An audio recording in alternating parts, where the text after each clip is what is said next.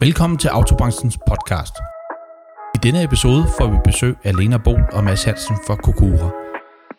Kokura hjælper firmaer med at håndtere de konsekvenser berøringsangst kan have. Dit værter er Jesper Ratza, Johnny Nedergaard og Claus Larsen. God fornøjelse. Og vi har stuen fuld i dag. Jamen, jeg glæder mig helt vildt. Vi har aldrig haft så mange mennesker på en gang før. Vi er faktisk så mange, så vi har ikke mikrofoner nok.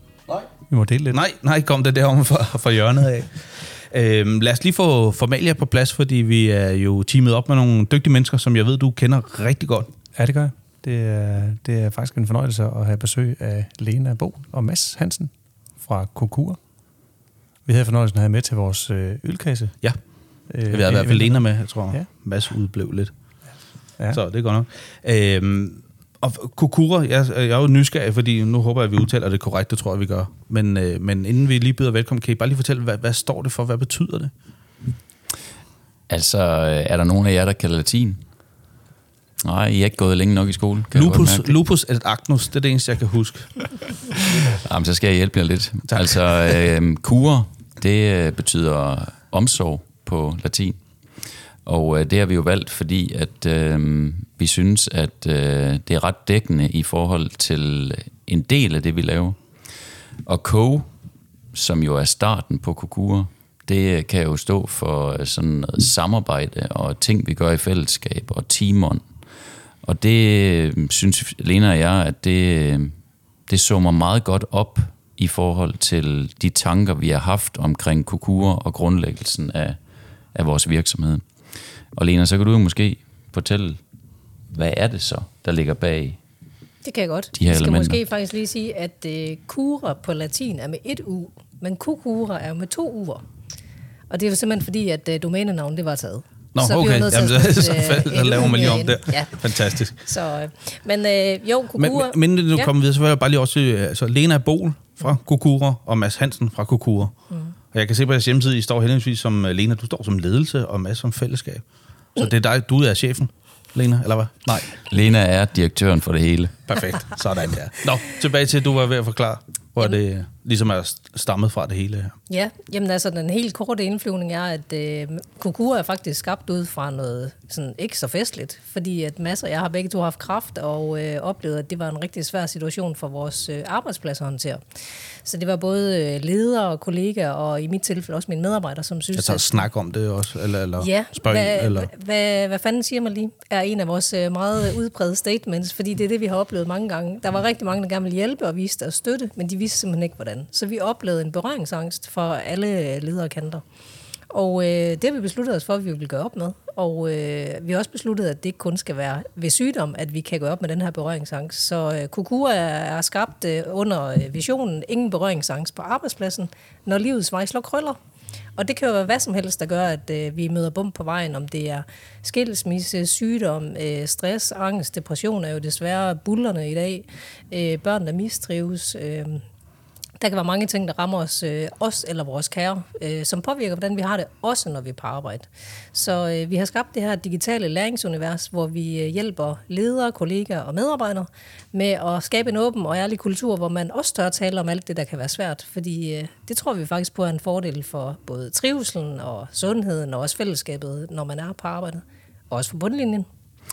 Ja, og hvis jeg lige skal supplere, så øh, nu har vi jo talt lidt fodbold, inden vi overhovedet startede mikrofonerne i dag. Og vi kan fortsætte bagefter, hvis du har. Det kan vi nemt. øhm, eller håndbold, det kunne vi selvfølgelig også tale lidt Ja. om.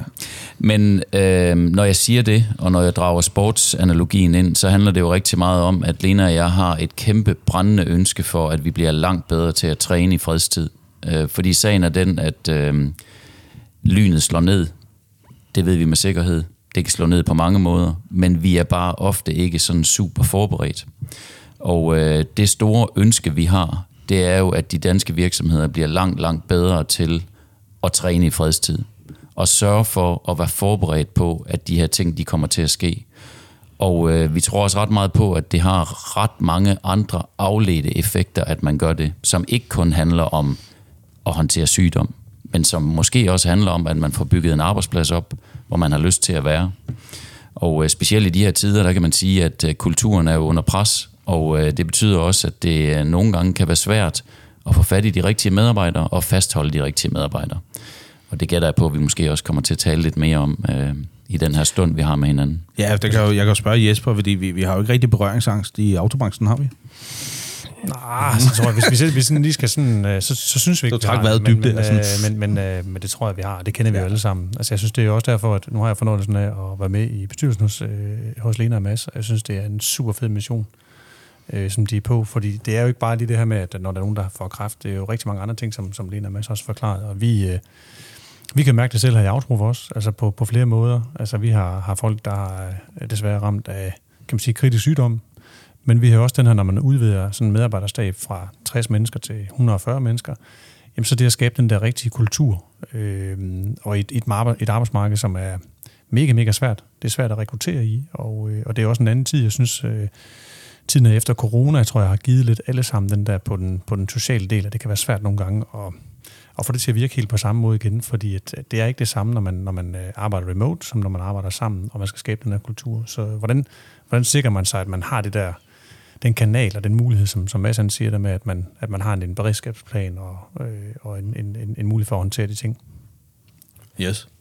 Men øh, ja, og jeg er jo enig i bund og grund, og, øh, og det var også derfor, jeg sad og smilede over hele femmeren lige før, øh, både Dalena og, og, og ikke for at hæve nogen fra mig med Mads, men det her med, altså den ting, der sker lige nu i, i verden, er jo også bare på en eller anden måde øh, en turbo, eller hvad man skal skrive, en eller anden form for, øh, kan man sige, epo, eller noget, der gør, at det bare det vokser i en eller anden, øh, kan man sige, øh, rejse, som vi jo ikke rigtig ønsker, og det er jo også det, vi sad og snakkede om inden her.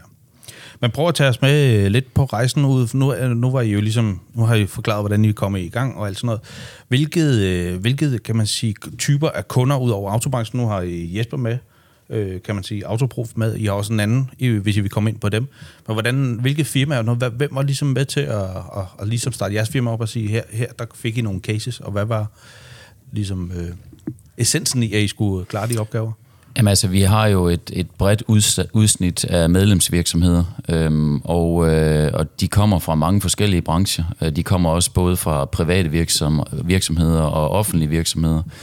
Og, og heldigvis for det, fordi at jeg tænker jo, at øh, de ting, som vi arbejder med, er jo på ingen måde specifikke for en særlig branche.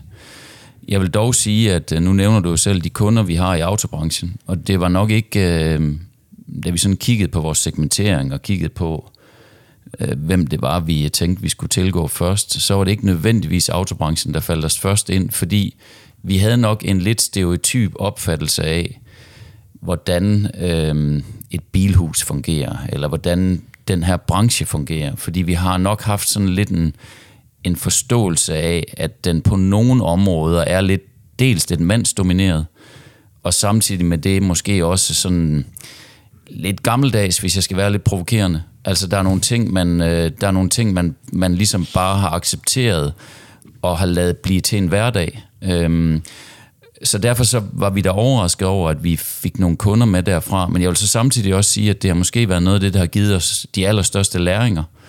Og vi kan også se, at det måske faktisk er der, vi kan flytte allermest. Fordi at nogle af dem, som vi har mødt, som var lad os bare sige det på den måde, de sad lidt med armen over kors, da vi øh, kom. Øh, de øh, har måske også fået nogle, nogle eye-opener.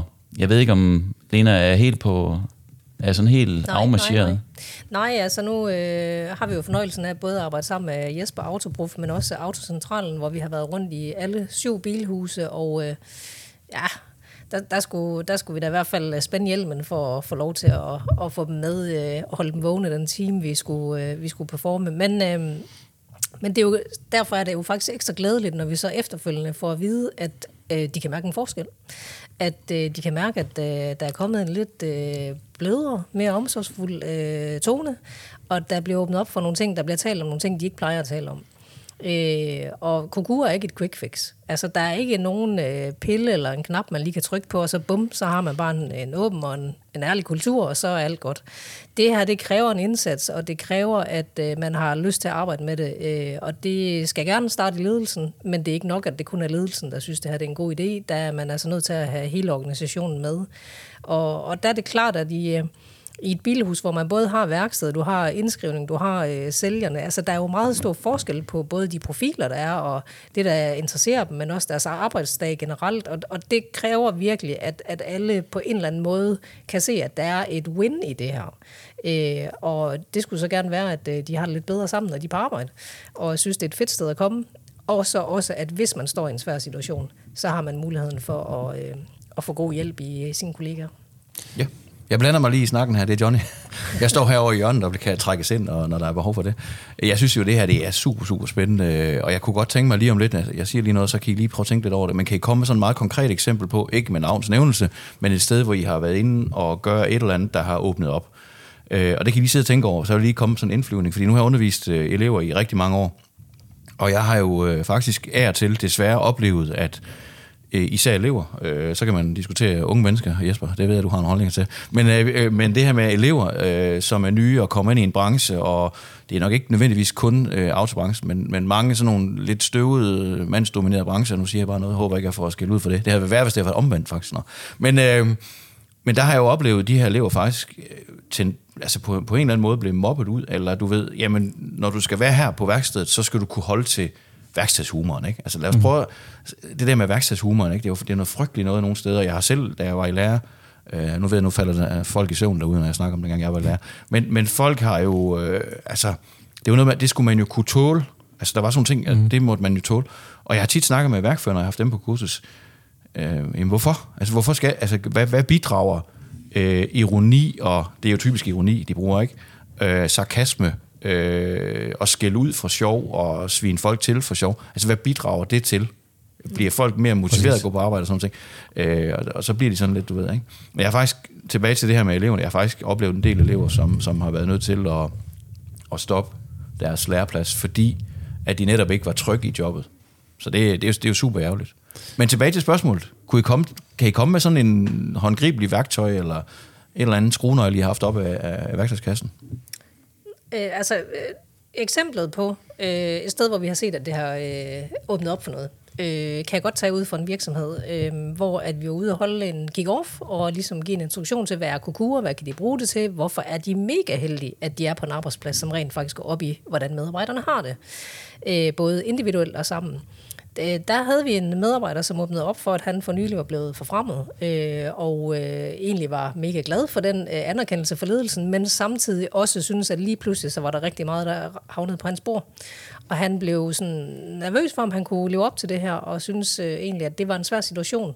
Og det åbner han op for over for alle sine øh, kolleger, hvilket jo var mega stærkt, fordi han viste en sårbarhed over for medarbejdere og kollegaer her, og han blev også meget berørt af det, men ender så faktisk med at rose en kollega, som har hjulpet ham i den her situation. Og alt det her, øh, altså det at han både øh, er ærlig omkring det, men også øh, tør at sige, det her, det synes jeg faktisk var svært. Det var mega stærkt, og det gav jo en kæmpe respekt for de kolleger, der sad rundt omkring ham. Og det øh, synes jeg bare, altså når vi kommer ud, så synes jeg jo, det er fedt, at det er det, vi kan være med til at åbne op for. Mm. Jeg, jeg, vil, jeg vil gerne lige, altså for det første kommentere på det, du siger, øh, og for det andet måske også lige komme med et, et godt råd i forhold til nogle af de ting, man måske kunne, kunne tænke i forhold til at lave øh, verdens fedeste arbejdsplads og, og fremtidens arbejdsplads, hvis vi skal kalde den det. Jeg synes, eller jeg bliver nærmest sådan helt indineret over at høre, at man øh, bare tager for givet, at fordi vi altid har gjort sådan der, i forhold til at være sjov på hinandens bekostning og øh, bruge humor på, i min optik, den helt forkerte måde, hvor en får det dårligt, for at den, en anden kan få det godt. Øh, der, der bliver sådan, jeg bliver virkelig ked af det. Øhm, men, men det gode råd i den her kontekst, det er bare, at skulle vi ikke prøve en gang for alle at se, om vi ikke kunne få gjort op med det. Fordi sagen er jo den, at øhm, Øh, Øh, vi, vi tager ting for givet. Vi, vi har alt for længe taget ting for givet, fordi at sådan gjorde vi også for 10 og for 20 år siden. Og øh, det dårligste argument, jeg nogensinde har hørt, det er, at sådan har vi altid gjort. Og, øh, og, og der må jeg sige, at, at, øh, at som jeg sagde før, jeg var lidt stereotyp i min tilgang til at det med at komme ind i jeres branche. Øh, men, men, men en, en lille del af det er altså blevet bekræftet. Fordi at jeg tror på, at hvis vi skal kigge ind i fremtidens arbejdsmarked, og vi skal kigge på nogle af de unge mennesker, som vi skal til at rekruttere, så tror jeg ikke på, at ikke engang autobranchen kan gøre det, som de altid har gjort. Fordi så mister de simpelthen nogle af de talenter, og nogle af dem, som måske skulle have en lang karriere øh, i jeres branche. Så, så jeg, tror, jeg tror, tiden er inde til øh, at lade være med at gøre det, man altid har gjort. Det tror du er ret i, Mads. Jeg er lige kommet hjem. Jeg har lige været i Tyskland igen nogle dage her, og har haft et møde med Tysklands største BMW-forhandler. Privat BMW-forhandler. De har 23 BMW-forretninger og en del af en større koncern, og de, øh, de har sådan en helt øh, uddannelsesafdeling, og de kæmper jo meget med at tiltrække talenter. Og det er også på den måde at forstå, at øh, man holder nogle øh, åben husdage, hvor forældre kan tage deres børn med ind, og så kan de se, hvad det vil sige at blive mekaniker, og hvordan man kan komme videre. Der er også en uddannelsesmulighed i det her. Og det er klart, at den her verden, det er jo også afskrevet af mange, fordi man tænker, så kan du blive mekaniker, så kan du rigtig komme videre. Det kan man faktisk godt, og hvis man vil. Og man kan også bare måske det at blive mekaniker er jo et fedt job, øh, på rigtig, rigtig mange måder, og et nødvendigt job. Så, så jeg tror det med, at det starter også der, som du, du siger med, at, at, at øh, hvis ikke vi formår at, og kan tiltrække folk og fastholde dem på den her måde, og skabe et ordentligt arbejdsmiljø, og det, nu, nu startede jeg jo selv i 95, så det er klart, der er sket, der er sket meget tiden dengang, og det har sikkert meget værre øh, tidligere, øh, som Johnny også sagde.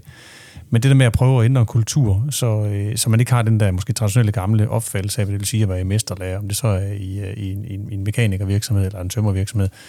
Og det er nok bare den kultur, der har været der i mange år, og få gjort op med det, og få fundet en, måske en anden måde, og, og kan man sige, at uddanne de mennesker på en, en traditionel måde. Og det tror jeg, du har, du har meget ret i, med. Ja, så, så vil jeg også godt sige en anden ting, og nu ved jeg, at jeg kommer til at gå lidt tæt på, men det tænker jeg, måske, vi måske godt kan tåle i, øh, i et univers som det her. Altså, sagen er jo den, at øh, vi, vi ser desværre også øh, tegn på, at der måske også er sådan nogle øh, sundhedsmæssige tendenser, som man måske også kunne kigge lidt ind i. Lena og jeg har haft utrolig mange drøftelser omkring et emne, der jo øh, er mange, af mange årsager fylder rigtig meget, og det er overvægt. Og, øh, og det har vi jo fordi, at øh, det er en af de ting, som vi øh, altid har med ude, når vi møder virksomheder. Det er, at øh, dels så er overvægt øh, den næststørste risikofaktor i forhold til udvikling af cancer. Det er der mange, der ikke ved. Men derudover så genererer det også et hav af sygedage. Mm. Og øh, jeg må sige, at når jeg lige har kigget ud over nogen af de øh, grupper, jeg har set i autobranchen, så må jeg sige, at jeg synes, det tenderer til, at der er en kultur, hvor man rent faktisk mere bakker op om, at folk bliver overvægtige, end at man gør det modsatte. Nu sidder vi jo her øh, hos dig i dag, Jesper, og du har jo indrettet et fantastisk fitnesscenter hernede, og jeg ved, at du gør rigtig mange sundhedsfremmende ting for, at dine medarbejdere de skal have de bedste muligheder. Men jeg synes, at der er lidt en tendens til, at vi ikke rigtig tør tage fat om Nellens råd, øh, når jeg kigger rundt i jeres branche. Fordi at vi igen kommer tilbage til, at vi har accepteret, at sådan der har vi altid gjort, og derfor skal vi selvfølgelig fortsætte med at gøre det. Men hvis man gerne vil have en arbejdsplads med medarbejdere, der rent faktisk også er dygtige, når de er på arbejde, og kan holde til at være på arbejde, så tror jeg bare, at man skal gøre meget mere, og så skal vi gøre op med det, at vi altid har gjort det her. Vi fejrer ting med kager, vi fejrer ting med alkohol, vi øh, kigger ind i en kultur, hvor også utrolig mange øh, vælger at sige, at jamen, det er helt naturligt, at vi ryger. Altså alle de her ting, der kan vi virkelig gøre meget, også i en arbejdsmæssig kontekst. Og undskyld, jeg ved godt, at der er nogen, der sidder og tænker nu, hold kæft, han er frelst ham der. Det er overhovedet ikke det, jeg er. Altså, jeg kunne godt slutte med kage. Mener du virkelig? Nej, jeg siger slet ikke slut med kage, men jeg, jeg siger bare... Nej, jeg forstår, hvad du mener. Ja, jeg, jeg, jeg siger bare, lad os lade være med at fejre. Skal vi ikke bare lade være med at fejre ting med kage altid? Men, men Mads, du har jo ret. Altså man kan sige, det her, det her det er sådan et super, super... Altså politik og overvægt og sådan ting, altså det, det er noget af det mest farlige, man kan begive sådan den der gade der, fordi at, øh, man kan have de bedste intentioner om at prøve at få folk til at leve bedre. Og øh, nu kan jeg tale med, fordi jeg har faktisk selv øh, sådan produkter, der, da jeg var i autobranchen, så bestod min typiske dag af, at jeg kom afsted om morgenen, og så fik jeg måske ikke rigtig spist noget hjemmefra. Og så blev klokken sådan op ad dagen, og så øh, ligger der altid sådan en dagmartært inde i, inde i kantinen, med sådan, i sådan en bilforretning, så æder man sådan en halv dagmartært i løbet af dagen. Og det gjorde jo også, at jeg i løbet af jeg tror måske 5-6 år, så tog jeg 14 kilo på. Øh, og jeg har så fået airbag ud i kinderne. Det så ret godt ud. Og også på maven. og man kan i hvert fald sige, med den uh, ufrivillige tur, jeg fik, uh, da jeg fik min hjerneblødning, så tror jeg, jeg havde ikke været i god form inden. Så tror jeg sgu ikke, at jeg havde klart den er så godt. Så, så det har nogle, nogle, nogle konsekvenser. Og nu, nu uh, for mig har det været en kæmpe øjenåbner at være med i, i jeres bestyrelse. Når man nu hører uh, vores gode veninde over fra, øh, fra Rigshospitalet, der udtaler sig om alle de her statistikker om, hvad der sker, når man, når man ryger og spiser øh, usundt, og man ikke laver motion, jamen så er det nogle dystre prognoser, man kommer ind i. Og, og som du også siger, jamen, øh, Sådan noget med, med sygedage på arbejde. Jamen det, det er også en udfordring, når, når man har sådan noget der. Så, men det er jo sådan noget her, der er super tabu, fordi den kollega øh, eller medarbejder, man har, som man tænker, jamen dem de kunne få et helt andet liv, hvis de lige fik lov at tabe 10 kilo. Og måske, øh, man behøver ikke at være øh, totalt veganer og fanatiker, man kan faktisk bare øh, gå en lille bitte tur, og måske øh, lade være at spise alt for meget med sukker i, så kan man faktisk få et, et, et, et meget mere indholdsrigt øh, liv, når man øh, måske øh, kommer ned ad den vej. Så, så ja, det, det er et tabuemne, men det er også det, vi har for. Vi tager hul på alle de der emner, der ikke er altid Ja, jamen, det var, det var, hvis jeg lige skal forlænge det, så, så tænker jeg, så jeg tænker sådan, hvis man kigger på et metaperspektiv på det her, så, så er det jo, det du lige sagde her, Mads, det er vel en af de ting, som I gerne vil være med til. Altså tage et emne op, som er, som er, som folk normalt går udenom, fordi øh, det kan blive lidt omsåeligt. Så sådan et emne som overvægt og sundhed og sygdom, og det er vel et godt bud på, at, at I er med til at åbne for den der kasse. Nu gjorde du lige her i podcasten, tak for det. Mm. men, men det er vel, øh, er, er, er, på, er jeg på rigtig vej der? Jamen, du er på fuldstændig ret spor, men vi ved jo også godt, at vi nogle gange får nogen, som øh, ser os hen, hvor peberet gror. Fordi vi kommer jo, øh, vi kommer jo til at, at, at træde på nogle litorne og tage fat i nogle ting, som ikke er særlig rart. Men vi må jo samtidig også sige, at det er, det er vores vision. Det er at få åbnet op for de her ting. Og hvis vi ikke kan gøre det i sådan en virksomhed som vores, så er der jo ikke ret mange, der kan. Nej. Man kan sige, at der er jo et, altså et hav af emner, vi kunne tage op i Kukur, som er svære at tale om. Ja. Og, og det gør vi også, og nogle af dem, som er rigtig store, og som rammer de fleste, dem øh, prikker vi til, og nu har vi lige været i studiet i tirsdags og lave en helt særlig edition af vores talkshow, hvor vi faktisk har taget tre øh, emner, vi ved er meget øh, tabubelagte, og der er overvægt en af dem. Men det vi jo allerhelst vil, det er bare generelt at skabe den kultur, hvor man ikke øh, opfordrer til berøringsangst, men opfordrer til det åbne og ærlige, fordi så er det, uanset om det så er overvægt, om det er øh, børn, der mistrives, om det er en depression, eller om det er, at man har mistet. Det, det er jo hele det at turde gå ind i det, mm. øh, i den svære samtale, det Præcis. handler om, og ikke så meget specifikt, hvad er det, vi skal tale om. Øh, og, og det kræver træning i fredstid, som Mads har sagt, fordi at vi plejer at tage Birkes eksemplet med. Hvis ikke man tør at sige til sin kollega, at du har noget i tænderne, mm. øh, så er det rigtig svært at skal spørge ind den dag, at der er en, der står og har fået en alvorlig diagnose, eller har børn, der er alvorligt syge, eller man har mistet. Øh, så, så derfor vil vi meget hellere tale om i det brede format, hvordan kan vi blive bedre til at åbne op for, for samtalerne, og have den tillid og det der psykologiske tryghed på arbejdspladsen. Jamen, jeg, den der med Birkes, den tager vi lige med, for det er jo en opfordring til jer derude, der sidder og lytter. Jeg synes, I skal prøve at overveje, om øh, I derhjemme i jeres virksomhed, i autobranchen, vil ture gå hen til en kollega og sige, du har noget siddende imellem tænderne. Jeg vil Er det, er, det, er det sådan et sundhedstegn, hvis man tør det? Det er i hvert fald en god indikator på, om man øh, har omsorg for hinanden, fordi Ja. det er jo en hjælp. Ja. Men jeg vil sige, øh, og det her, det, det kan jeg godt sige, fordi det er jo øh, ikke at kaste nogen ind under bussen, fordi det er ikke exceptionelt for lige autobranchen. Men da jeg var rundt i syv bilhus i autocentralen, så, så spørger jeg altid, tør I at sige til jeres kollegaer, hvis de har en birkes i tænderne? Ja, kommer det med det samme. Så siger jeg, fedt mand. Hvad så, hvis det er en kunde? Så bliver der stille. Og så siger jeg, ja, nej, ja, vi vil også gerne have salget, og vi skal leve op til vores KPI. Og, åh, så, og så er det jo et, et interessant at sige, hvorfor er der forskel på at fortælle det til ens kollega kontra sin kunde? Og det er jo der, at det bliver virkelig interessant at sige, hvor går grænsen hen, hvordan kan vi hjælpe hinanden? Fordi så kunne jeg jo så sige, godt fedt mand, så hvis jeg kommer herind og skal købe en bil hos jer, så kan jeg så være sikker på, at når jeg, kommer når jeg går ud igen, så er der ikke nogen af jer, der har fortalt, at jeg har spinat i hele gebisset. Og så griner de jo lidt af det. Men det er interessant det her med at sige, hvor er det, at vi, vi tør at hjælpe hinanden, og hvor er det, det bliver lidt svært. Altså er det ikke sådan mange, det der, det, det usagte, det er tit det, der bliver det store problem. Altså den der lille bitte ting, der kan irritere en i hverdagen, kollegaen, der går ned og ryger hele tiden, eller fem gange om dagen, øh, hvor man så tænker sig, det er en lille ting, men det er den, der bliver fuldstændig til en borgerkrig, øh, når den får lov at ligge, øh, fordi man ikke rigtig får den ud og får talt om den på, på en måde. Og så eksploderer det, og så ender det med at blive noget, der er langt værre. Mm. Øh, det er i hvert fald min, synes jeg, min ofte øh, erfaring omkring sådan ting. Lad os lige prøve at tage øh, emnet op, fordi jeg ved, at vi kan få til en ild i Jesper, når vi kommer ind på det der. Men det der med at rekruttere og fastholde og unge mennesker og den nye generation, der kommer ind på arbejdsmarkedet osv., I har jo en holdning til, inden vi startede her, og jeg har også hørt lidt omkring det der med, at hvis ikke der er en, en psykologisk tryghed i jobbet, og vi kan tale om tingene osv., så, så får vi simpelthen ikke øh, muligheden for at fastholde øh, den nye generation, eller den, det er sådan lidt et fluffy begreb, ikke? men altså, unge mennesker i dag har brug for en eller anden form for tryghed i jobbet. Øh, ja, er vi alle sammen, øh, for den sags skyld. Men hvis ikke vi kan lave en fed arbejdsplads, så kan vi ikke øh, fastholde, vi kan heller ikke tiltrække. Øh, og så ved jeg, Jesper, du har en holdning til, jamen, hvad, hvad, hvad, er så, hvad er det så for noget materiale, vi får ind? Altså, kan vi, kan vi redde dem? Mm, Jamen, jeg, jeg, siger, jeg, har, jo- jeg er jo så enormt heldig, at vi har øh, sindssygt mange gode talenter ved os i alle mulige aldersgrupper. Og jeg, det der er min jetfuel, det er, når jeg ser øh, nogle af de her unge mennesker, vi får slevet ud til at blive en kæmpe diamant, og se den her rejse, de er på. Og, og jeg tror ikke, øh, det er jo klart, at, at ting udvikler, øh, udvikler sig hen over tid. Så den her Generation Z, som der er nu, det, det er selvfølgelig en anden generation, end, end øh, nogle af os andre er. Men sådan var det også dengang, vi var unge i forhold til dem, der var dengang. Så jeg tror måske, noget af det, der er sket undervejs, det er jo det der med, at, at øh, det der med at blive, øh, blive i stand til at begå sig socialt på en arbejdsplads. Og der kan man sige, jeg tror, den eneste udfordring, som jeg ser, og det kan jeg bare se, for nu er jeg jo selv med børn på 21 og 19 år, den der med, at, at vi undervejs har været i stand til at fjerne alle forhindringer på vejen. Og livet er jo nogle forhindringer engang imellem, og det siger sig det med, at man selv skal finde ud af at, at håndtere nogle, nogle, nogle, nogle problemer, hvor man måske fra, fra skolerne i dag og fra forældrene i en stigende grad måske fjerner de problemer. Øh, så vejen den er fuldstændig asfalteret foran, og det, det tror jeg ikke altid er godt, øh, fordi øh, det er jo nogle gange de der, øh, øh, kan man sige, problemer eller modstand, man får, hvor man måske også lærer allermest. Og jeg mener ikke, at, at at ligesom Mads for vi skal ikke tilbage til den der, hvor man siger, at dengang jeg var lærer, der, der gav man lær- et tæsk. Det er slet ikke der, hvor jeg snakker om. Jeg snakker bare det her om at gøre folk også til at være i stand til at kan håndtere problemer.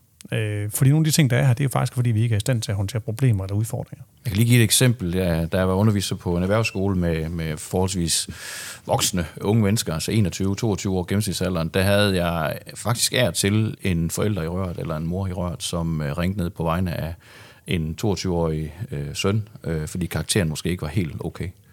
Øh, og, og der hopper Præcis. lidt af for mig også. Ikke? Ja, det den. og det er ikke fordi, vi, at de unge mennesker skal, øh, som du selv siger, de skal hærdes eller noget, fordi Slet ikke. men, men vi, det er jo det, hvad, hvad er det for noget materiale, vi får? Men når vi så får de der ma- materialer at arbejde med, jamen så skal vi jo også sikre os, at, øh, at de har det trygt og godt. Øh, fordi der er jo nogen, som godt kan, og det har du jo øh, mange eksempler på, Jesper. Bestemt, altså, og heldigvis er det langt de fleste, og jeg synes at det med, at at en arbejdsplads er jo et fællesskab, det er en team, øh, det er team effort, vi laver, det siger, at man skal kan indgå i det, så skal man både kan bidrage, og man skal også kan tage noget ansvar, og det, det er der, hvor jeg måske synes nogle gange, at kæden hopper af, og det er måske, det jeg synes faktisk ikke kun, at det er de unge mennesker, det er måske også sådan generelt for os, for os alle sammen, at at øh, vi har jo faktisk et rigtig fedt arbejdsmarked og fedt arbejdsmiljø i Danmark. Når jeg sammenligner med, nu er vi jo mange andre lande, og, øh, og der er kæmpe kulturforskel rundt omkring, og jeg er faktisk super stolt over nogle af de ting, som, som vi formår i Danmark, øh, både med vores foreningsliv og det her med, at vi er super kreative og, og meget selvstændige på mange måder. Der er, vi, der, er vi, der er vi langt foran mange andre lande, synes jeg. Men så stadigvæk, så har vi også nogle udfordringer i det her med at prøve, og, og måske også at, øh, at skabe den her kultur, hvor folk tager mere ansvar. Og jeg tror, det der med ansvar i dag, det er det, man skal prøve at arbejde rigtig, rigtig meget med, og så være, være i stand til at være en, en, en positiv bidrager til en kultur, fordi kultur, det er jo ikke noget, som kun ledelsen skaber. Det er noget, som man skaber som et team. Det synes, alle folk bidrager til, at der er en god kultur. Øhm, og det tror jeg, at, at, at et, et punkt, som, som derfor noget, vi bruger meget tid på, det bruger jeg super meget tid på øh, i min del, det er faktisk at prøve at sikre sig, at vi, at man har den her gode kultur. Øh, og det er det, der, som, som, som, som jeg også synes ved, ved Lena og Mads, at, at det er jo et, et, et, et værktøj til at, at kan tage de her ting. Fordi som jeg siger, de ting, der ikke bliver sagt, det er dem, der bliver rigtig, rigtig store problemer lige pludselig, selvom man skal starte som noget småt. Så. Men jeg tror da også i forhold til, som du siger Jesper, hvis vi skal kunne øh, skabe den her kultur, som gør, at det øh, er attraktivt at gå ind i bilbranchen, så, så er den her omgangstone, som vi har talt om tidligere, også et vigtigt element, fordi øh, det kan godt være, at dem, der har været i bilbranchen i de, de sidste 20 år, og er de næste, der skal på pension, bare er vokset op med, og faktisk ikke rigtig kan finde ud af andet. Men og, altså, at komme ind i sådan et team, hvor der er en helt særlig jargon, og alt er indforstået, og alt er sarkasme, som et ung menneske. Jeg, jeg, altså, jeg, jeg har virkelig svært ved at se, hvordan man skal komme ind i det. Og jeg har også hørt udtalt i, øh, i jeres branche og andre brancher, der minder om, når de søger øh, medarbejdere, ja, man skal jo kunne tage lidt røg. Eller øh, det skal måske ikke lige være hende der, øh, den unge pige, som øh, kommer direkte ud fra skolen. Vel? Fordi at man ved godt, at det her, det kræver altså lige lidt robusthed. Mm. Og, og det er nok der, hvor man skal til at sige, hmm, er det virkelig sådan, at vi øh, kan stille i krav, eller står vi så bare uden nogen ansøger overhovedet? Må, må jeg ikke lige sige, at, at øh, det er godt nok svært det her, fordi at øh, jeg bliver mega vælsendt. Når jeg hører Jesper, så forstår jeg fuldt ud, hvor det er, han er på vej hen. Jeg har jo også selv unge mennesker derhjemme, øh, 14 og 17 år af mine, af mine børn, og jeg har godt nok også gjort meget for at fjerne mange sten på deres vej. Så grundlæggende er jeg enig med Jesper. Men jeg må samtidig også sige, at den dårlige nyhed for alle arbejdsgivere derude, det er, at hvis man bare går helt datavejen og kigger på det materiale, der bliver til rådighed fremadrettet, så er det jo sådan, at når man kigger på befolkningsfremskrivninger, så bliver vi ikke flere mennesker mellem 0 og 60 år. Desværre nok. Det ved vi, Øhm. fordi vi øh, føder desværre ikke ret mange børn. Nu skal det her ikke handle om et program, hvor vi snakker om, hvor, øh, hvor, hvor, hvor mange børn, der bliver født. Og, men det er bare lige for at give et indblik. Vi føder ikke ret mange børn. Det betyder, der kommer ikke flere, vi kan rekruttere fra. Der, hvor vi bliver flere mennesker, det er i aldersgruppen mellem 60 og 100. Og det vil sige, at derfor kan man jo godt sidde derude som arbejdsgiver eller som virksomhed og tænke, ja, ja, men vi gør bare det, vi plejer at gøre. Fordi at det er jo gået meget godt indtil nu. Ja, men den dårlige nyhed er jo bare, at man ikke længere kan rekruttere, fordi at der er ikke nok at rekruttere fra. Så derfor så er jo et langt stykke hen ad vejen enig, enig med Jesper. Men problemet er bare, at man skal nok tænke nogle tanker i retning af, at man får skabt en arbejdsplads, hvor det bare er monsterfedt at være. Præcis. Og så bliver man nødt til nogle gange at æde nogle kameler og lukke øjnene for noget, selvom man utrolig gerne vil opdrage på nogle af dem, fordi at for helvede kan I ikke bare tage jer sammen. Men øh, så er rekrutteringsgrundlaget bare ikke ret stort. Mads, det er jeg super enig med dig i. Det er jo også øh, de bekymringer, jeg gav udtryk for, da vi havde vores øh, ølkassation nede. Men så kan man så sige nogle gange, jamen hvis jeg sådan tænker tilbage på min skoletid, så de lærer jeg egentlig husker mest, og måske også holder mest af, det var faktisk også dem, der satte grænser for en. Fordi jeg tror også nogle gange, at vi som mennesker, så kan vi faktisk godt lide, at der er nogle grænser, og de er synlige, fordi den der, der er ikke noget værre end den der person, man ikke rigtig ved, hvor man har hende af. Hvad er godt og hvad er skidt? Øh, øh, hvor man sådan, det er lidt flydende. Jeg tror, de fleste mennesker, de kan faktisk godt lide, øh, at man siger, det der, det, det, det, der, der, der ved jeg ham, der, han, for, han forventer det der af mig. Og jeg er en succes, når jeg gør sådan der. Og det er, hvor jeg siger, det er det, der ikke må blive blurry, fordi så er det ting, de flyder. Så jeg tror faktisk også på, at man som, enig med dig, det, det, er, det er svært at rekruttere, det bliver kun sværere, men jeg tror måske også, at hvis man kan skabe det fede arbejdsmiljø, hvor folk faktisk ved, at det er en succes, og ved, hvordan de bliver en succes, i stedet for at de sådan er lidt øh, mere i sådan et, et ingenmandsland, så tror jeg faktisk, at øh, det også kan være en vej at gå, øh, tror jeg. Men Jesper, det du, har, det du har fat i der, er jo, er jo bare hovedet på sømmen, fordi du har fuldstændig ret. Altså, vi holder der alle sammen af, at der er en retning, og at der bliver stillet ja. nogle krav. Det tror jeg. Det skal bare ske i øjenhøjde. Det skal det. Og det bliver nødt til at ske med gensidig respekt. Og det er jo nogle gange, jeg tror, det er nogle gange det, der mangler lidt, fordi nu er Lena også inde på det her med, jeg næsten vil kalde sådan et stammesprog. Altså man har fået sådan en jargon, eller en... Uk. Ja, altså man, man, man har sådan en, en, en, måske er det ubevidst, men man har nærmest skabt sådan en måde, man taler til hinanden på. Hvordan skal man kunne komme ind i det? Altså hvis jeg skulle tænke, at jeg skulle sende min søn på 17, hvis han nu havde lyst til at, at komme ind i en eller anden given branche, og jeg vidste, at i den branche, der skulle man bare kunne holde til hvad som helst, jamen så ville jeg ikke, så hvis han spurgte mig til råd, så ville jeg ikke sende ham derhen. Mm. Nej, man kan sige, jeg synes faktisk meget, det, det, er jo, det er en god pointe, du har, Mads. Man kan prøve at se i forsvaret, hvor mange sager man har med sådan nogle ting. Altså det med, hvad, hvad er sjovt, når man er rekrut, og hvad er ikke sjovt. Øh, og der er normen også ændrer sig heldigvis for det øh, på mange måder. Så, så jeg tror, det er det, er du helt ret i, og det siger, at normen flytter sig, og så tror jeg, det er det, vi skal sørge for, det er at flytte sig med den på, den på den rigtige måde. Fordi jeg må også sige nu, vi, vi, har, vi har heldigvis fået rigtig mange kvinder ind, øh, også her ved os, men vi jagter rigtig, rigtig mange. Og jeg tror også, det med, at man skal kan lave et miljø, hvor, hvor, hvor det er afbalanceret. Det vil sige så det med, at, at man... Øh, at en ren mandeverden, som du siger, det er nok også der, hvor det har været sådan der. Det kender man alle sammen fra et omklædningsrum i, i en fodboldkamp eller andet. Det er en anden jargon, der er, end hvis, hvis der er et, et, et mere blandet, øh, kan man sige, medarbejderstab. At, øh, det, det her i hvert fald kunne, kunne mærke for os i vores udvikling, efter vi nu er blevet flere, så, så giver det sådan et, et lidt mere fornuftigt øh, miljø. Og så kan der også godt være plads til, det kan være sjovt at lummer den gang imellem. Men, men jeg tror, det, er, det, det er måske mere det, at man får en, en, en god blanding af det. Og jeg tror, det er det, der måske har været autobranchens største problem, det er, at man har haft svært ved at tiltrække øh, kvinder, både på, på værksteder, reservelager, salgsafdelinger osv. osv. Altså, jeg kan huske på et tidspunkt, hvor, hvor jeg fik en, en dygtig kvindelig sælger, øh, da, da jeg var i, i, i detail, hvor jeg kunne så opleve, at når hun var i butikken, så kommer der en, en mand ind på min nuværende alder, og så øh, spørger hun, om, om hun kunne hjælpe ham med noget, og så siger han, ah, han kigger bare lige lidt. Og så et sekund efter, så gik jeg forbi, så ville han gerne snakke med mig og spørge mig, og så tænker man, hvad er det for en holdning, for hun vidste jo endnu mere om produktet, end jeg gjorde. Så, så heldigvis er der sket rigtig, rigtig meget af det her. Og jeg synes jo, når vi, når vi kigger ud i branchen, så er vi lykkedes med at komme et stykke af vejen. Nu skal vi bare nå øh, et hak mere. Øh, og det skal vi, fordi at der er så mange muligheder i dag, når man er, når man er ung. Og som du siger, Mads, der bliver færre og færre af, af, af råstoffet, kan man sige.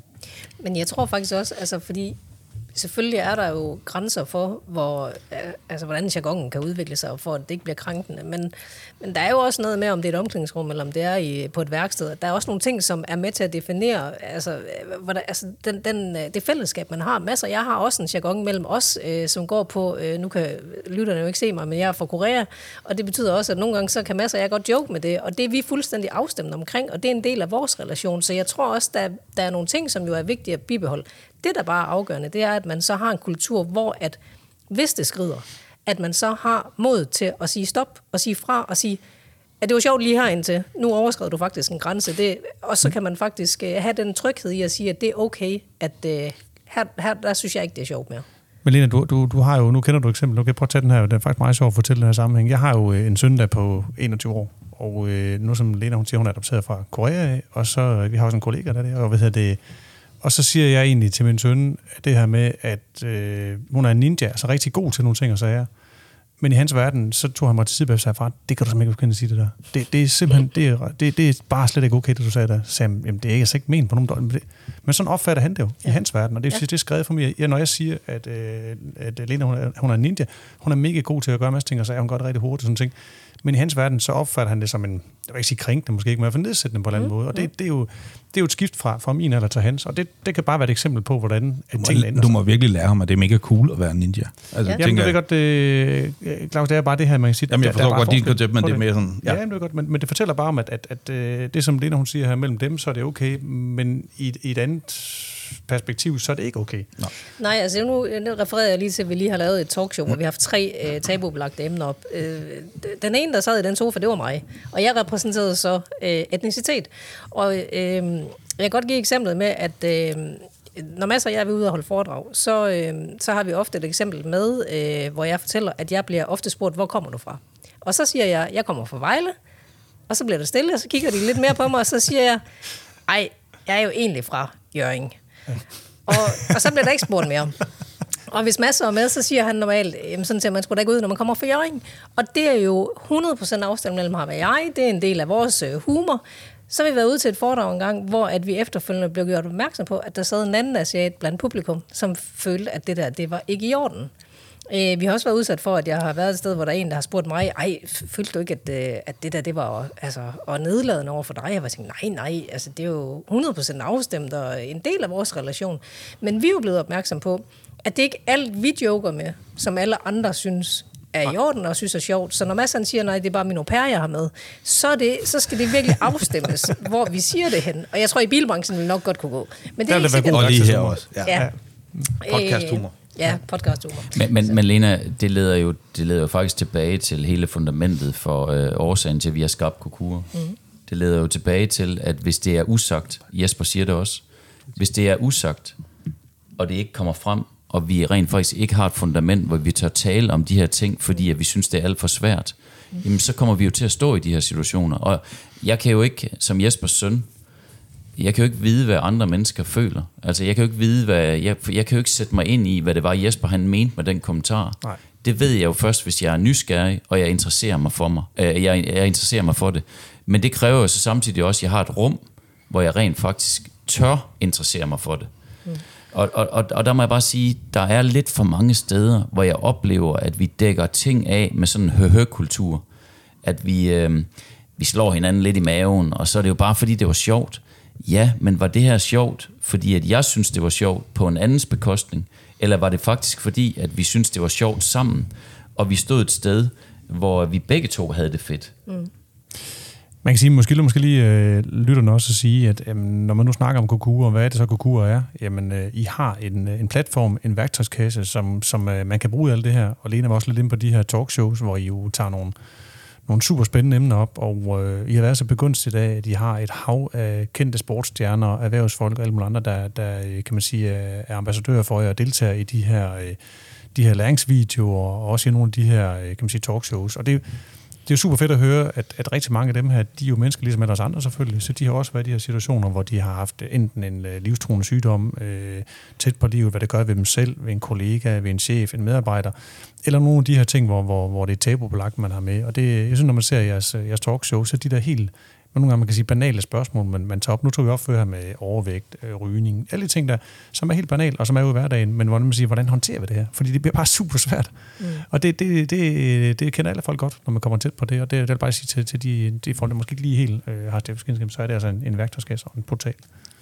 Jeg vil sige, øh, når jeg lytter mig lidt til det, I sidder og siger, så er der jo også noget den her måde, man snakker med hinanden på. Øh, jeg kan jo prøve at øh, citere øh, Ricky Gervais, jeg ved ikke, om I kender ham. Han har jo det der med, han, øh, det der med at sige, at når folk siger, jamen du øh, krænker en masse, jamen det ved du ikke, men du må gerne sige, du krænker mig med det, du gør. Altså ligesom åbne op i stedet for bare at bruge den der, altså tænker jeg også er en del af berøringsangsten at sige, at du krænker alle. Nej, ikke nødvendigvis. Mm. Men man må jo godt sige til nogen, at det du siger til mig, det kan bryder mig ikke om, eller noget af det vil ja. lidt ja. det, han siger.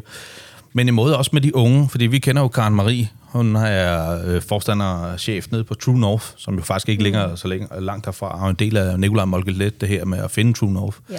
Som jo også siger, at når man snakker med de unge mennesker, man skal huske måske der, man også skal øh, måske putte en indsats i at sige, at de tænker meget i overskrifter. Altså, de ser sjældent på samme måde som os andre nuancerne, mm. når man er dernede. Altså, nogle gange bliver man nødt til at være ret specifikt tilbage til det, du siger, nogen sætter en grænse for en måske, og det skal man måske.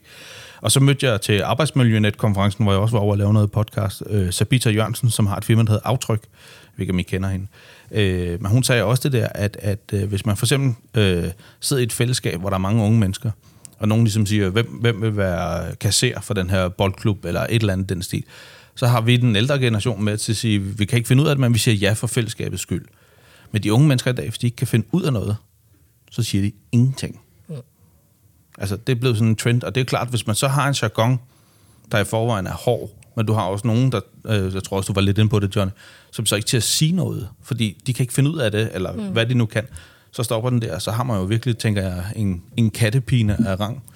Ja, og, og jeg tror også, altså det her det handler jo om, at det er en ongoing proces, øh, og øh, masser jeg startede øh, med at holde foredrag, og har holdt det i en 5 år, inden vi udviklede Kokura, og kunne godt se, at øh, når vi kom ud, så synes alle, det, det var fantastisk, og når vi så gik hjem, så ramte hverdagen. Og derfor har vi jo gjort det digitalt, fordi vi ved, at vi er nødt til at være top of mind, og være tilgængelige øh, i det daglige, og også være der, når det så brænder, fordi altså risikoen for, at det lige brændte, når vi var der, den var jo ikke så stor, heldigvis. Øh, og der handler det altså også om, at man, øh, altså, at man som virksomhed tør at tage det skridt, der hedder, vi tror ikke på et quick fix. Vi er super vant til at få konsulenter ud, der lige kan komme ud og lave en workshop, og lige øh, lave en pep talk for ledergruppen, og så tager de hjem igen, og så har de tusind andre ting, de skal lave. Og, og det tror vi bare ikke rigtig på holder. Og vi kan godt se, at vi gik i luften for to år siden, og der var der mange, der var lidt sådan, jamen det er fint nok, men vi har lige øh, en lederworkshop her. Fint nok. Øh, men nu synes vi, at der er blevet lidt mere åbenhed over for at sige, jamen det er ikke nok bare at have de der, øh, den halve dag en gang om året, hvor vi arbejder om det her, og så har vi en teambuilding, og så går vi hjem. Det er altså ikke det, der gør, eller en musemåtte, hvor vi skriver vores værdier på. Det er ikke nok til, at vi kan få det her forankret. Så, så vi fornemmer også, at pandemien, øh, økonomisk usikkerhed, krigen har været med til at tænde et lys for, at vi er nødt til at gøre noget, der, der kræver lidt mere investering, tager noget mere energi, og vi ser ikke resultaterne i morgen. Men hvis ikke vi gør det nu, så har vi i hvert fald et problem på den lange bane. Og Lena, så tænker jeg også for lytterens skyld, så skal vi også sige, at vi jo ikke, altså de her hippie-typer, der bare øh, tænker, at vi skal altid bare sætte os ned, og skal vi bare snakke, indtil vi øh, nærmest øh, taler hinanden til døde. Det er jo slet ikke det, der er meningen, fordi vi tror jo rent faktisk også på, at hele grundlaget for der, hvor vi er i dag, og det, den leverance, vi kommer med, det handler jo lige så meget om bundlinje. Ja. Fordi at vi vil selvfølgelig gøre rigtig mange ting for, at vi kommer til at stå det helt rigtige sted, og at øh, de mennesker, vi nogle gange arbejder med på de forskellige arbejdspladser, de får det bedre. Men for enden af dagen, så handler det jo lige så meget om, at hvis vi gør det og putter alle de her indsatser ind, så er der faktisk også en chance for, at de bliver mindre syge, de er mere produktive, og deraf så kan det ikke undgås, at det smitter af, også på den økonomiske bundlinje. Vi plejer jo at sige det der gode mix mellem en menneskelig og en økonomisk bundlinje. Mm. Hvis de to ting kan gå hånd i hånd, så nærmer vi os jo nærmest perfektion. Ja, det, det var sjovt, Mads. Det var faktisk det, jeg sad og tænkte på. Nu, nu, nu vil jeg lige være repræsentant for de selvstændige bilforhandlere derude, fordi de sidder og tænker, hvad søren er du det for noget blødt? Øh, jeg skal have en omsætning i morgen, og måske også, hvis jeg tænker langt strategisk frem, så også i overmorgen. Øh, ah, nu, er lidt, nu er jeg lidt hård ved den. Men netop det her med bundlinjen, som, som jeg jo sagtens kan se, og som du også øh, så fint forklarer her, at også med den øh, mangel på arbejdskraft, som vi jo faktisk oplever allerede nu. Altså, vi har aldrig haft så mange i beskæftigelse, og alligevel så mangler bilbranchen faktisk øh, stadigvæk hænder. Og det, vi kan ikke bare øh, få folk fra Tyskland. Det kunne man jo først, kunne man få mekanik fra Tyskland. Det kan du ikke længere. Det er hele Europa, der, der mangler. Jeg tror, Norge er det eneste, som balancerer.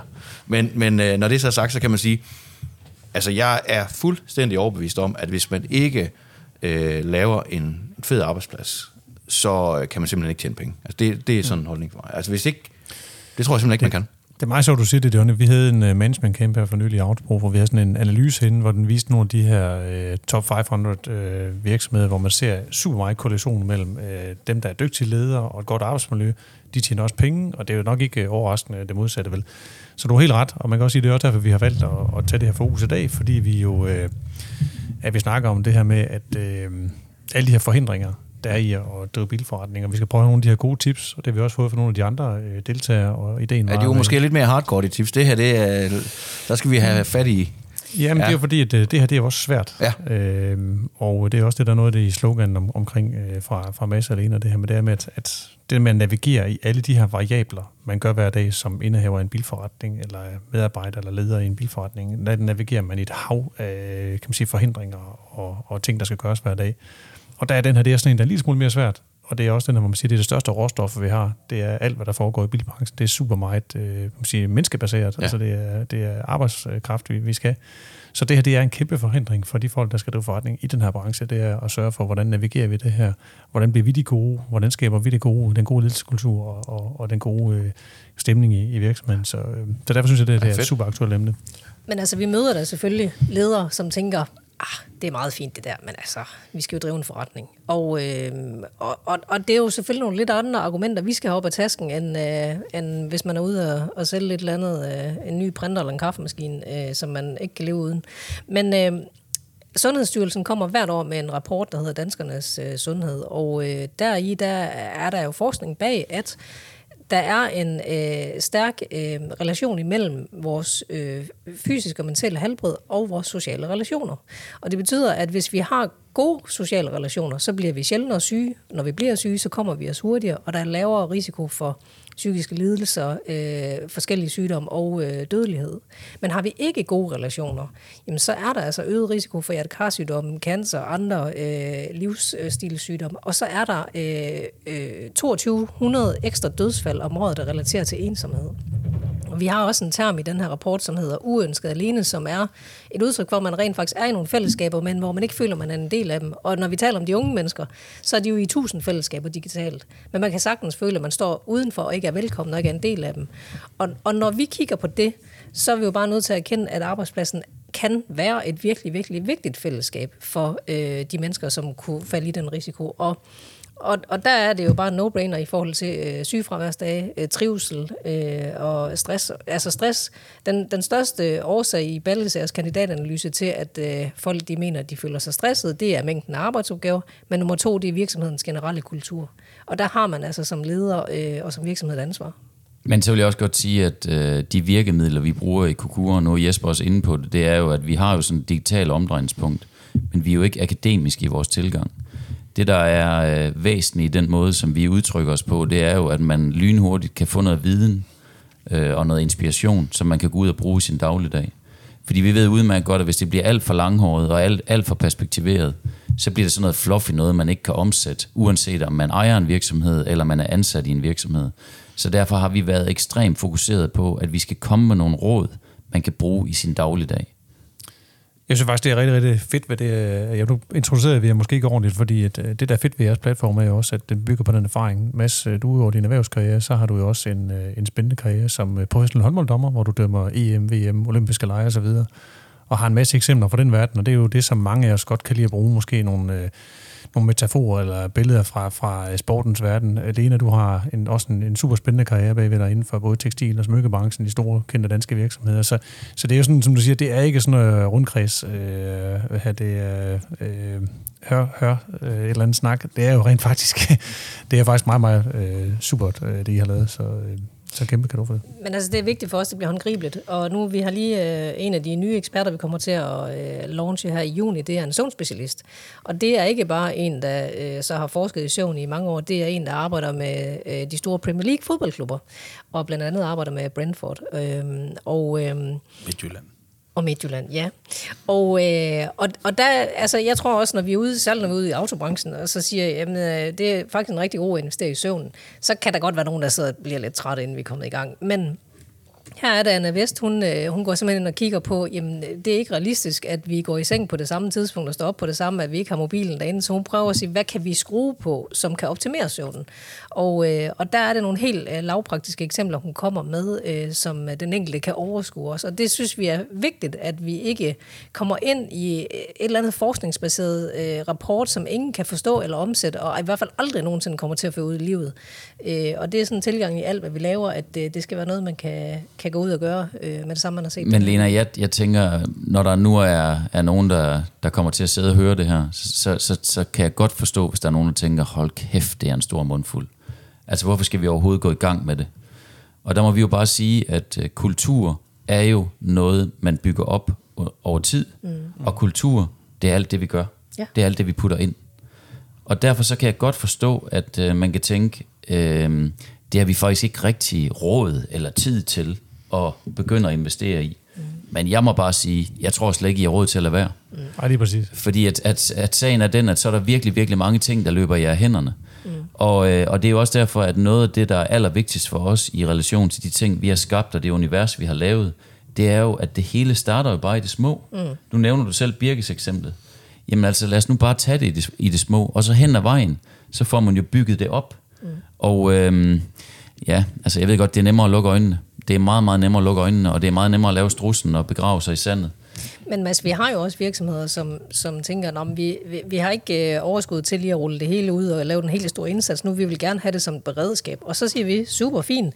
Men så er det jo vores fornemmeste opgave at sørge for, at der er noget, der bliver så fedt og så inspirerende, at det har de lyst til at gå mere ind i. Og det er jo heldigvis det, vi kan se, at, øh, at øh, der, der opstår en interesse. Og det, er jo, det handler jo om, at vi skal starte med at tænde lyset, for ellers så kan vi ikke øh, overhovedet navigere.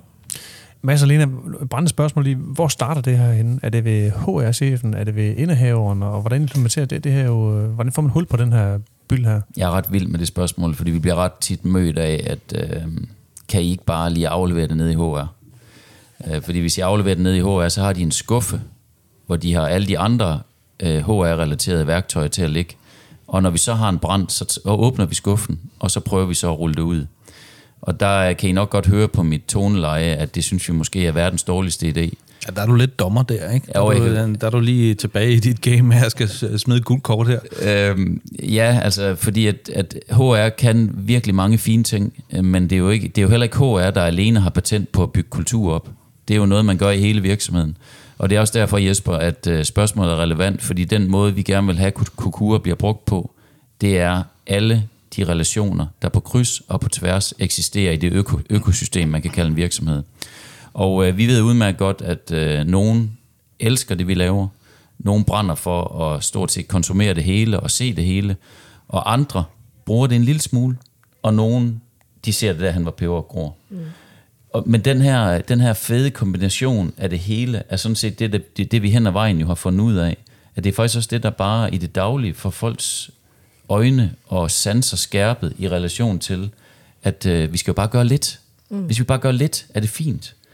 Så, så jeg ved ikke, Jesper, om det var svar på spørgsmålet, men, men det er mere det, at øh, vi rammer jo alle relationer i en virksomhed, så derfor skal det helst hverken kun start eller slut i HR. Jamen, det er også derfor, jeg er lidt spurgt om det, fordi jeg tror, det er så nemt at købe aflade som indehaver og sige, nu har jeg gjort det her, nu har jeg smidt det over ved, ved Susanne i HR, og så, så, så lander det der. Og det her, det er jo, det er jo, øh, det her, det er jo noget, der skal, skal være for virksomhedens allerøverste ledelse. Og det er det med at sige, det er jo ikke for at købe aflad, det er lige for at skabe en stærk virksomhed, en stærk team, en stærk bundlinje, og også øh, frem til at sikre sin forretning, at man gør sådan nogle ting her. Men, men hvis jeg lige må supplere på det, fordi at øh, vi har faktisk, øh, da vi da vi startede, altså nu, når vi har en startup, så skal man jo også lave en forretning, ellers så er vi her, så er vi her jo ikke over tid. Og der må vi sige, at der, der rettede vi meget henvendelse til HR, fordi at vi så jo også, at det var der forankringen den nok skulle laves. Men på det seneste har vi jo øh, forsøgt at ændre fokus. Og øh, det har gjort, at jeg taler rent faktisk lige nu med ret mange CEOs, i, øh, også i store danske virksomheder. Og der må jeg sige, at den her forståelse af det, som Lena og jeg, vi laver, og det budskab, vi gerne vil komme med, den er måske endnu større, når det er, at man sidder øverst i en virksomhed og kigger ud over den sådan med lidt mere holistiske briller. Så derfor så tror jeg, at du har ret, Jesper, at, øh, at det er et rigtig godt sted at starte, det er i topledelsen.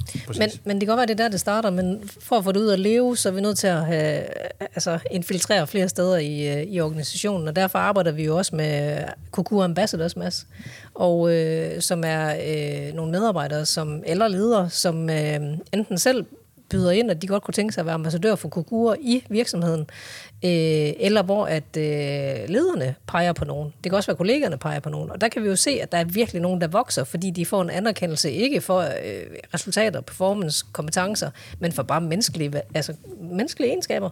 At de har en interesse i øh, hinanden, og det... Øh, det er fedt at høre og se, hvordan de, øh, de lige pludselig bliver mere opmærksom på hinanden, og hvordan at de også føler, at, at det her det er en tillidserklæring, at jeg rent faktisk som ambassadør kan kære mig om mine, øh, mine kollegaer.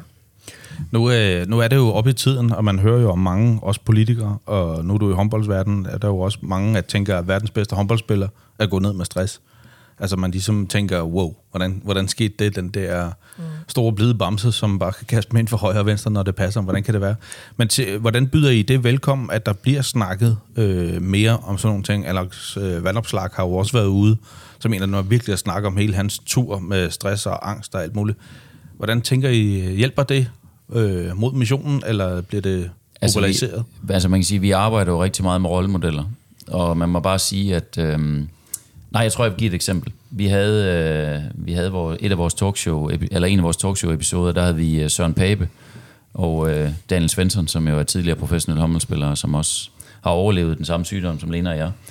Og, øh, og der åbnede Søren op omkring øh, den måde, han, øh, han nærmest blev tvunget til at, at springe ud af skabet som homoseksuel, fordi han pludselig havnede på forsiden af, af en af de store aviser. Øh, der må vi bare sige, at når når nogen af dem, vi kender, og nogle af dem, der er rollemodeller, øh, de går forrest i at fortælle om deres egen sårbarheder, så er det der, det virker allerstærkest. Fordi at så kan vi andre, nu sidder jeg og laver sådan øh, kaninører, så kan vi andre almindelige mennesker langt, langt bedre relateres til det. Og det, og det bliver meget mere accepteret og meget mere validt. Øhm, så vi, vi hilser det jo den grad velkommen, øhm, fordi vi tror på, at det er jo også med til at skabe den åbenhed, som vi alle sammen øh, råber på. Mm. Ja, jeg tror endda, det var også Morten Mølgaard, var det ikke det, han hedder? Der var ude og snakke, jeg kan ikke huske, hvad de hedder. Altså. Nå, undskyld, det er Henrik Mølgaard, du tænker Henrik på. Henrik Mølgaard, ja, ja, med, med, det der med, at de alle sammen sidder med mobiltelefonen og sådan noget. Mm. Det er vel også befriende, at han går ud og siger sådan noget. Mm. Det er rigtig tænker, godt. Han, han kommer ud i et omklædningsrum, og det eneste, han kan se, det er 11-12 af hans øh, holdkammerater, der allerede sidder og siger, hvad de skrevet om mig på Instagram. Ikke? Mm. Det er da fint, at han lige går ud og siger, hallo venner. Jamen det er det, fordi at vi, altså, vi plejer også at sige, at øh, vi gør alt, hvad vi kan for at rykke øh, i, i kukur, men vi kan ikke rykke det alene, mm. fordi det her, det handler om adfærd, og det mm. handler om, øh, altså det er samfundet, der også skal råbes op på en måde, og øh, godt nok synes vi, vi løber stærkt, og vi har nogle dygtige mennesker med, men, men vi er jo bare kukur. Men det er vel der, hvor man har det med, at man, man skaber ambassadører. Og nu har I jo ambassadører ude i samfundet, men det er også med at skabe ambassadører i sin virksomhed. Altså mm. det kan jeg jo se her ved os, når vi skal forandre noget. Så det er med at finde de der kulturbærer, som, som kan være med at trække det her ud, for ellers bliver man bare ved med at hænge i den der hverdag. Ja. Altså, øh. Jeg tror, vi kan snakke i rigtig mange timer, og det er super spændende. Og have, ja, ja, vi nærmer os en time nu, jeg håber, I hænger på derude endnu. Uh, lige om lidt skal jeg lige prøve at lave en, en opsummering, så må I lige byde ind uh, de der takeaways, som I har fået med i dag. Øh, men jeg, altså, tusind tak, fordi vi måtte få et indblik i Kukuras øh, univers. Det har, været, det har været helt forrygende. Man kan vel sige, det er det længste podcast, vi har lavet indtil videre? Ja, det er det længste, det må være, længste fordi podcast. at, ja. emnet er svært. Ja, vi, ja. I kan ja. Men, øh, men du ved jo godt, Jesper, ja. Når det er svært, så er det fordi, det er vigtigt. Ja, det Præcis. Er det er det helt rigtige ja. Øh, ordsprog, Lena. Det er dem. Og så, men, sige, så, så, så tager det også tid, når man skal vende sådan et emne her. Men lad, lad mig lige prøve at lave en opsummering, og så falder I bare ind, hvis det er. Det er sådan en meget kort opsummering, men jeg tænker, uh, Birkes-testen, gå hjem og eller spinattesten, gå hjem og lave den, øh, og også på dine kunder. Er det en københavnerbirkis? Ja, det, det skal være en københavnerbirkis, og så skal der være noget øh, bredbladet spinat. Men, men, og gerne ved en kunde, hvis du tør. Ej, det skal man passe lidt på, ikke? Øh, tilbage til seriøse. Kulturen kan gøre dig ensom i fremtiden, eller den kan skabe su- succes i fremtiden. Det var, jeg tror jeg, en af masser. Altså, og jeg synes, jeg har hørt på et eller andet sted, at hvis du skal ændre kultur, så tager det syv år, så det, det er sådan lidt langsomt. Så gælder det om at komme i gang. Skulle jeg have været i gang i går. Øh, der er simpelthen ikke nok unge mennesker til alle, så hvorfor skal de vælge dig? Det er jo et godt spørgsmål, de kan stille sig derude. Er det, er det et rart sted at være? Ja, har I rigtig god værktøjshumor på den dårlige eller den gode måde, kan man sige. Ikke? Psykologisk tryghed, åbenhed, det er faktisk også øh, rigtig god bundlinje. Det tog jeg også lige med fra i dag. Der er penge i det. Så øh, Det er der der er også noget til de korte gevinster, kan man sige. Det var sådan lige det, jeg havde øh, op. Jesper. Jeg synes, det var hovedet på sømmen, det der, Johnny. Det synes jeg. Og jeg synes, det er et vigtigt emne, så jeg håber, at de alle sammen er blevet mere nysgerrige på det her. Måske også har fået nogle værktøjer øh, til, hvordan I kan, måske kan starte op det med at snakke om det her. Og ellers så kan vi jo anbefale jer at række ud til, til Lena og Mads. Jeg tror, der er, måske der er plads til flere kunder i autobranchen. Hvad siger I det? Det kan godt være. Jeg tror, jeg, jeg vil i hvert fald sige, at jeg synes, det er mega positivt, at der er nogen i branchen, der øh, har taget springet og, øh, og simpelthen øh, kigget lidt længere frem, end, øh, end var det til i Ja, morgen, respekt som til du dem. sagde, Super Johnny. fedt. Ja. Øh, fordi at I øh, er jo også en branche, som hvis man skal rykke noget her, så er der nogen, der skal gå forrest. Og øh, vi er super glade for, at vi kan få lov til at være med på den rejse, og synes, at det er fedt at komme ud øh, i jeres branche. Og, og, og hvis jeg også lige må få lov til at runde noget af fra min side af, så, så synes jeg altså stadigvæk, det er vigtigt at få pointeret, vi gør også det her, fordi vi gerne vil hjælpe med at skabe en bedre bundlinje. Mm. Fordi at, altså, det er klart nok, at når vi, vi, har, været, vi har været meget langt rundt, og, øh, og, og Lena og jeg, vi tror virkelig på, at vores mission, den er vigtig. Men vi ved også godt, at der skal også tjenes penge. Det skal vi øvrigt også i vores egen virksomhed. Så vi ved udmærket godt, at det, der også fylder for jer derude, det er jo, at I kan blive ved med at tjene penge, for at I kan blive ved med at udvikle vores forretning. Men det kan jeg også godt love, det kan Kukura altså hjælpe med. Den afslutning kan jeg ikke stikke. Nej, altså det eneste, man måske lige kunne sige, Johnny, det er, at øh, det er jo meget særlig dag i dag, fordi at, øh, det er sådan lidt nostalgisk. Ja. Vi sidder faktisk her med indtil mindre end en DF brugtbilsbog i hånden Gør vi nemlig, ja. fra 2007. Det er Ja. en helt god årgang. øh, faktisk nummer 189. Ja.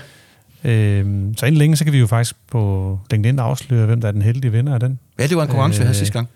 Forrige Vi øh, må prøve, om vi kan få skaffe en mere, for jeg kunne da godt tænke mig en også. Det ikke lægge skuld på. Det, der, det er jo et af... Du har da prøvet at sætte den på auktion. Så Nå ja. det, det, bliver, det, bliver, det kan jeg sige, det bliver, den går langt op, den der. Det kan vi godt prøve. Vi kan faktisk godt prøve, som det kunne lade sig gøre. Jeg tror, der vil være mange, der vil være villige til at blive højt på sådan en, for det er, der, det er nostalgi af første hylde. Ja. Ej, vi har fundet en vinder. Vi skal nok øh, råbe højt. Ja. Tusind tak til øh, Kukura, Mads. Og... Nej, der var helt... Au pairen. Au pairen. Ja, ja. Lena. Så, ja, ja, men det var fordi, jeg- jeg blev lige opslugt af den her DAF-bog. Tusind tak til, til Lena og til Mads og til Kukura og til Jesper. Og øh, så tror jeg lige, øh, jeg giver mikrofonen over til Claus. Jeg gør det faktisk fysisk, fordi jeg har, jeg har kun fire. Så kom den hele vejen over. Jamen også tak herfra. Det, øh, det har været fantastisk, synes jeg. Og den time er nærmest fløjet afsted. Det er godt, vi har en memory card, der, der, kan, der kan håndtere det her i øh, pulten. Så også tak øh, herfra. Jeg tror, vi, øh, hvis I er friske, tager den op igen på et andet tidspunkt. Det Ja, vi er på. vi er Nå, friske. jeg skulle lige have det på bånd. Perfekt. Jamen altid. Tusind tak alle sammen. Tak fordi vi måtte være her.